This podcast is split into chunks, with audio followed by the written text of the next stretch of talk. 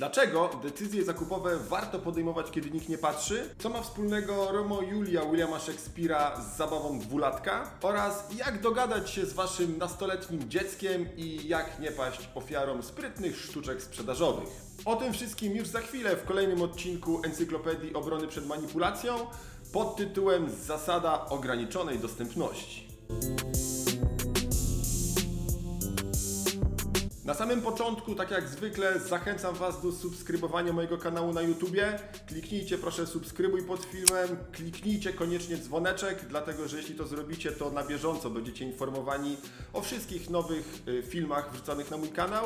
Zachęcam Was również do lajkowania mojego fanpage'u na Facebooku oraz obserwowania mojego konta na Instagramie. A teraz zaczynamy. Wyobraź sobie następującą sytuację. Przychodzisz w odwiedziny do Twojego znajomego. To ma być kameralna impreza dla grona najbliższych znajomych. Jesteś pierwszy. Wita Cię gospodarz, po czym podaje Ci miskę wypełnioną po brzegi czekoladkami i pyta, czy skusisz się na jedną. Hmm?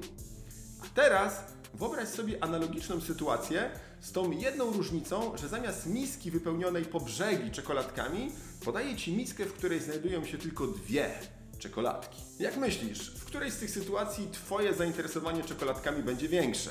Otóż psycholog społeczny Steven Worczell przeprowadził podobny eksperyment i okazuje się, że większość osób wykazuje większe zainteresowanie tymi czekoladkami, których jest mniej. I tak w największym możliwym uproszczeniu działa zasada ograniczonej dostępności. Bardziej interesujące i bardziej atrakcyjne są dla nas te dobra, które występują w ograniczonej ilości bądź do których dostęp jest utrudniony. W tej formie ta zasada znana jest chyba wszystkim. To wszystkie triki handlowe w rodzaju ostatnie trzy egzemplarze tego produktu albo hmm, nie wydaje mi się, żeby gdzieś w kraju był dostępny model tego samochodu z otwieranym dachem, z takim silnikiem i kamerami cofania. Ten, na który pan patrzy, jest ostatni. Czyli jednym słowem, special price for you, my friend. Chodźmy jednak dalej. Pojawia się pytanie, czy jesteśmy w stanie sprawić, żeby Twoje zainteresowanie miską z dwiema czekoladkami stało się jeszcze większe. Otóż możemy, na dwa sposoby. Pierwszy z nich wygląda następująco. Wyobraź sobie, że siadasz przy stole, na którym znajduje się miska po brzegi wypełniona czekoladkami. Nie jesteś tym specjalnie zainteresowany, od czasu do czasu zerkasz na nim z ciekawością, ale nie sięgasz po czekoladkę.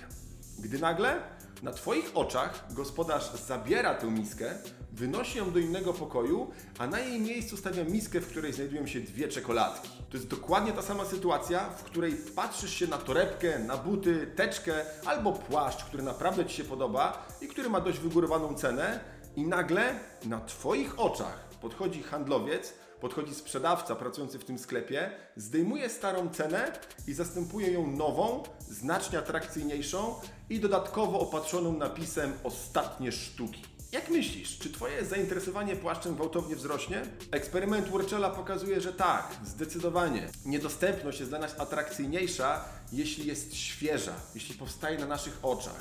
Czyli jeśli chodzisz codziennie do sklepu i cały czas widzisz ten sam płaszcz w tej samej obniżonej o 15% cenie, będzie on mniej atrakcyjny niż w momencie, kiedy ta 15% obniżka zaistnieje nagle na Twoich oczach. A Ty masz poczucie, że jesteś pierwszą albo jedną z pierwszych osób, które wiedzą o tej promocji. I dodatkowo jest tylko ograniczona ilość sztuk w tej cenie. Wracając ze sklepu na imprezę z czekoladkami. Pytanie, czy możemy podnieść jeszcze bardziej Twoje zainteresowanie salaterką z dwoma egzemplarzami tego pysznego smakołyku? Możemy. Jak? Tak samo jak możemy podnieść Twoje zainteresowanie płaszczem w promocyjnej cenie.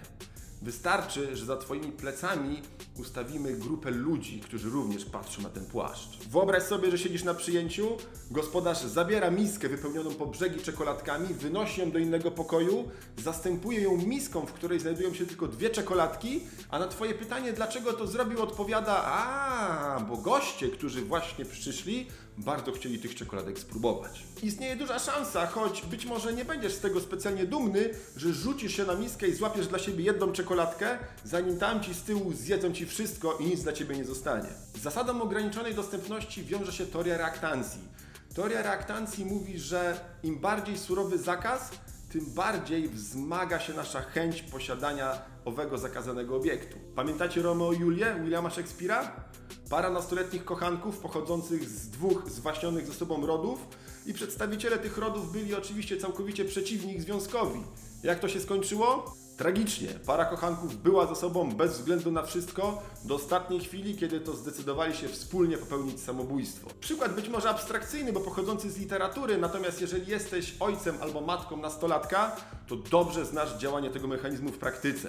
Jeśli nie podoba Ci się partnerka albo partner Twojego syna lub córki, to najgorszą rzeczą, jaką możesz zrobić, to zakazać im kategorycznie kontaktowania się z tą osobą. Wtedy atrakcyjność tej przeklętej dziewczyny albo tego okropnego chłopaka wzrośnie w oczach Waszego dziecka kilkukrotnie. Jeszcze tydzień temu Twój syn sam być może rozważał, żeby rozstać się z tą dziewczyną, ale kiedy zakazałeś mu kontaktów z nią, będzie z nią przynajmniej pół roku. Dlatego jeśli chodzi o rozmowy z nastolatkami, dużo lepiej sprawdzają się techniki wywierania wpływu i perswazji niż kategorycznych zakazów i kar.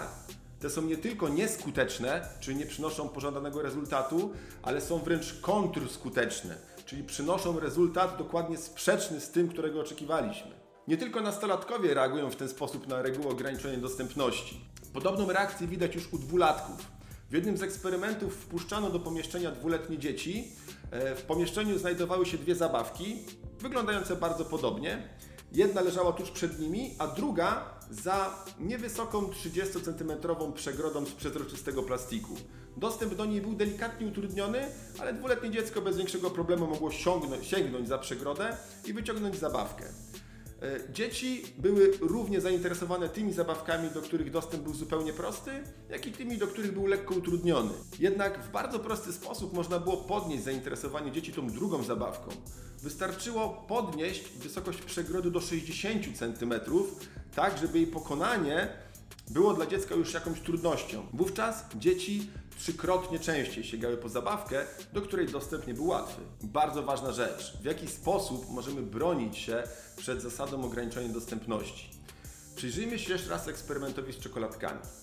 Jakkolwiek ludzie deklarowali, że czekoladki, których było mniej, są dla nich bardziej atrakcyjne, wyglądają lepiej, cokolwiek miałoby to znaczyć, i w przyszłości chcieliby częściej po nie sięgać, to kiedy doszło już do degustacji, stwierdzali, że zarówno czekoladki ze miski, w której było ich pełno, jak i z miski, w której znajdowały się jedynie dwie sztuki, smakują bardzo podobnie. Że w utylizacji, w użyciu tych rzeczy, do których dostęp był utrudniony, nie ma większej różnicy. Zapamiętajmy ten wniosek, bo za chwilę będzie on bardzo istotny.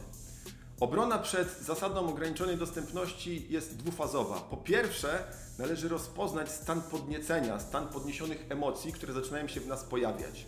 Czyli patrzę na płaszcz, trochę mi się podoba, emocje na umiarkowanym poziomie.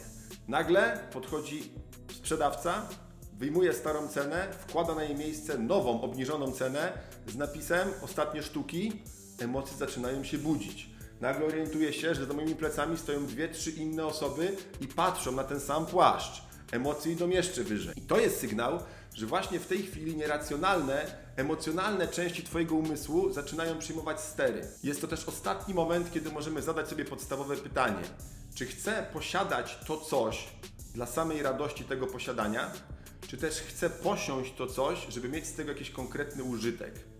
Czyli jeśli mówimy o dziele sztuki, o białym kruku, o jakiejś bardzo rzadkiej monecie, którą chciałbym mieć w swojej kolekcji, o parze butów, ale nie takich dochodzenia, tylko takich kolekcjonerskich, które postawię sobie na półce po to, żeby na nie patrzeć i żeby ich wartość rosła, wówczas poziom naszego podniecenia, pobudzenia emocjonalnego może być dobrym wyznacznikiem, który da nam do zrozumienia, jak bardzo chcemy to posiąść. Jeśli jednak chcę mieć tę rzecz po to, żeby zrobić z niej użytek, czyli chcę mieć tę czekoladkę, żeby ją zjeść, chcę mieć ten płaszcz albo buty, żeby w nich chodzić, chcę kupić ten samochód, aby nim jeździć, to powinienem czym prędzej się odsunąć i nie podejmować decyzji tu i teraz. Dlatego, że jest duża szansa, że albo zapłacę zbyt wygórowaną cenę za rzecz, która nie jest jej warta, albo też kupię coś, co tak naprawdę nie jest mi potrzebne. Zaniosę to do domu, włożę do szafy i więcej na to nie spojrzę. Mam nadzieję, że materiał jest dla Was ciekawy. Mam nadzieję, że znajdujecie tutaj konkretne, użyteczne narzędzia do wykorzystania, czy to w swoim życiu biznesowym, czy to rodzinnym, osobistym, czy jakimkolwiek innym. Jeśli tak, to przypominam raz jeszcze o subskrybowaniu,